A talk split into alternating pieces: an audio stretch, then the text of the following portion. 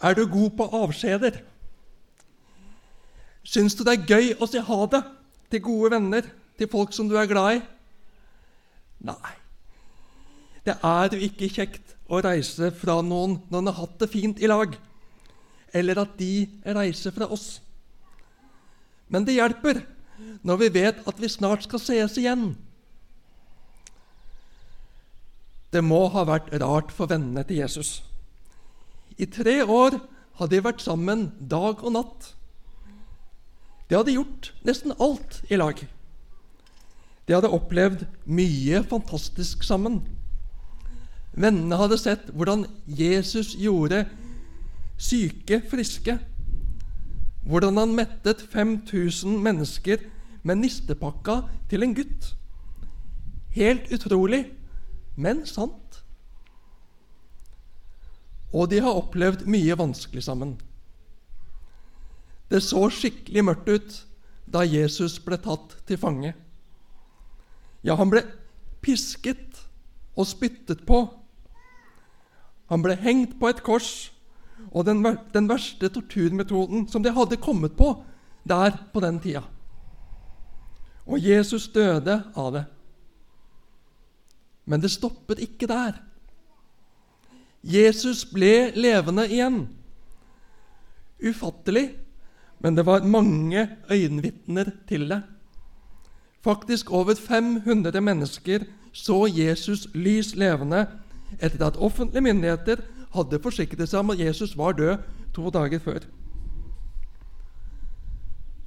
Nå har vennene møtt Jesus mange ganger i løpet av 40 dager. Han har lært dem og forklart dem masse. Men nå skal han forlate dem.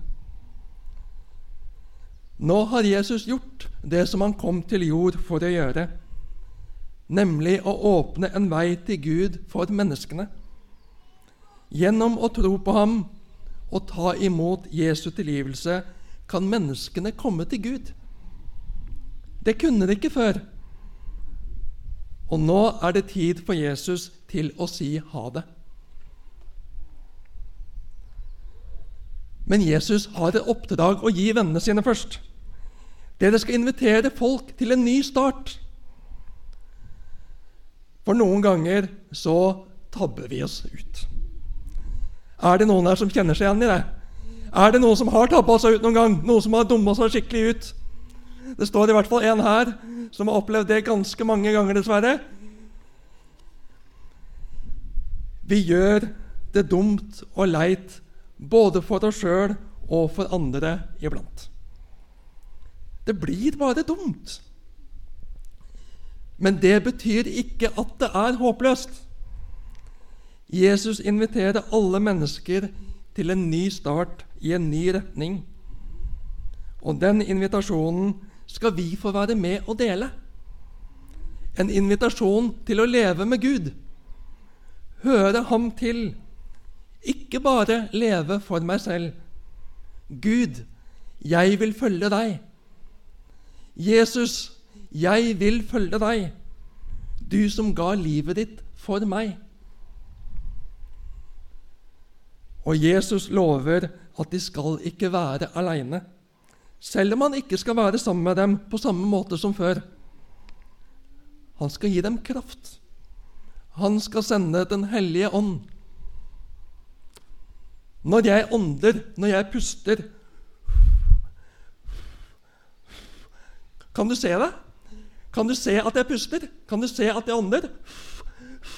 Ser du pusten? Nei, vi kan ikke se pusten. Vi kan ikke se luften men den er der, og vi er helt avhengig av den. Uten luft så dør vi. Uten at vi kan puste, dør vi. Puste og ånde det er to ord for samme sak, som betyr det samme. Og da forstår vi lettere hvordan Den hellige ånd er. Den hellige ånd er fra Gud. Ja, Den hellige ånd er Gud selv. Han er usynlig, men like fullt til stede. Det skjedde på pinsedag at Den hellige ånd kom over disiplene ti dager etter Kristi himmelfartsdag. Men på denne dagen som vi feirer i dag, Kristi himmelfartsdag, så fikk de beskjed om å vente. De visste ikke hvor lenge de skulle vente, men det viste seg å skulle bli ti dager. Så skulle de få en kraft ved at Den hellige ånd kom over dem, at de fikk Den hellige ånd. Gud skulle ikke være nær dem gjennom Guds sønn, mennesket Jesus, slik han hadde vært nå i ca. 33 år. Som menneske kunne han bare være ett sted om gangen. Pusten, luften, kan være alle steder på hele jorda samtidig. Slik er også Gud ved Den hellige ånd overalt, alle steder samtidig. Også inne i alle som tror på Jesus og vil høre ham til. Etter at Jesus hadde fortalt vennene om krafta de skulle få, så tok han dem med ut av byen, ut til Betania, og han løftet hendene og velsignet dem. Selv om jeg nå forlater dere, jeg skal ikke være blant dere på samme måten som dere er vant til, så skal Gud være med dere. Slapp av, vær trygge, dere skal ikke være alene. Jeg er sammen med dere fortsatt, men på en ny og annerledes måte. Og mens Jesus velsigner dem, så blir han tatt opp til himmelen. Han plutselig letter, stiger opp i lufta, til de ikke kan se han mer.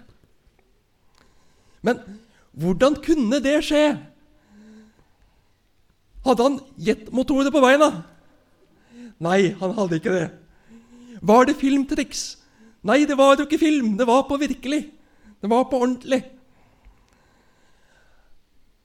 Akkurat som Jesus hadde gjort syke friske som ingen andre kunne hjelpe. Akkurat som Jesus hadde gitt mat til over 5000 mennesker av bare fem små brød og to fisker. Det er klin umulig for andre. Det var mulig for ham. Akkurat som Jesus hadde gjort ei død jente levende. En voksen mann som hadde vært død i fire dager, gjorde Jesus levende.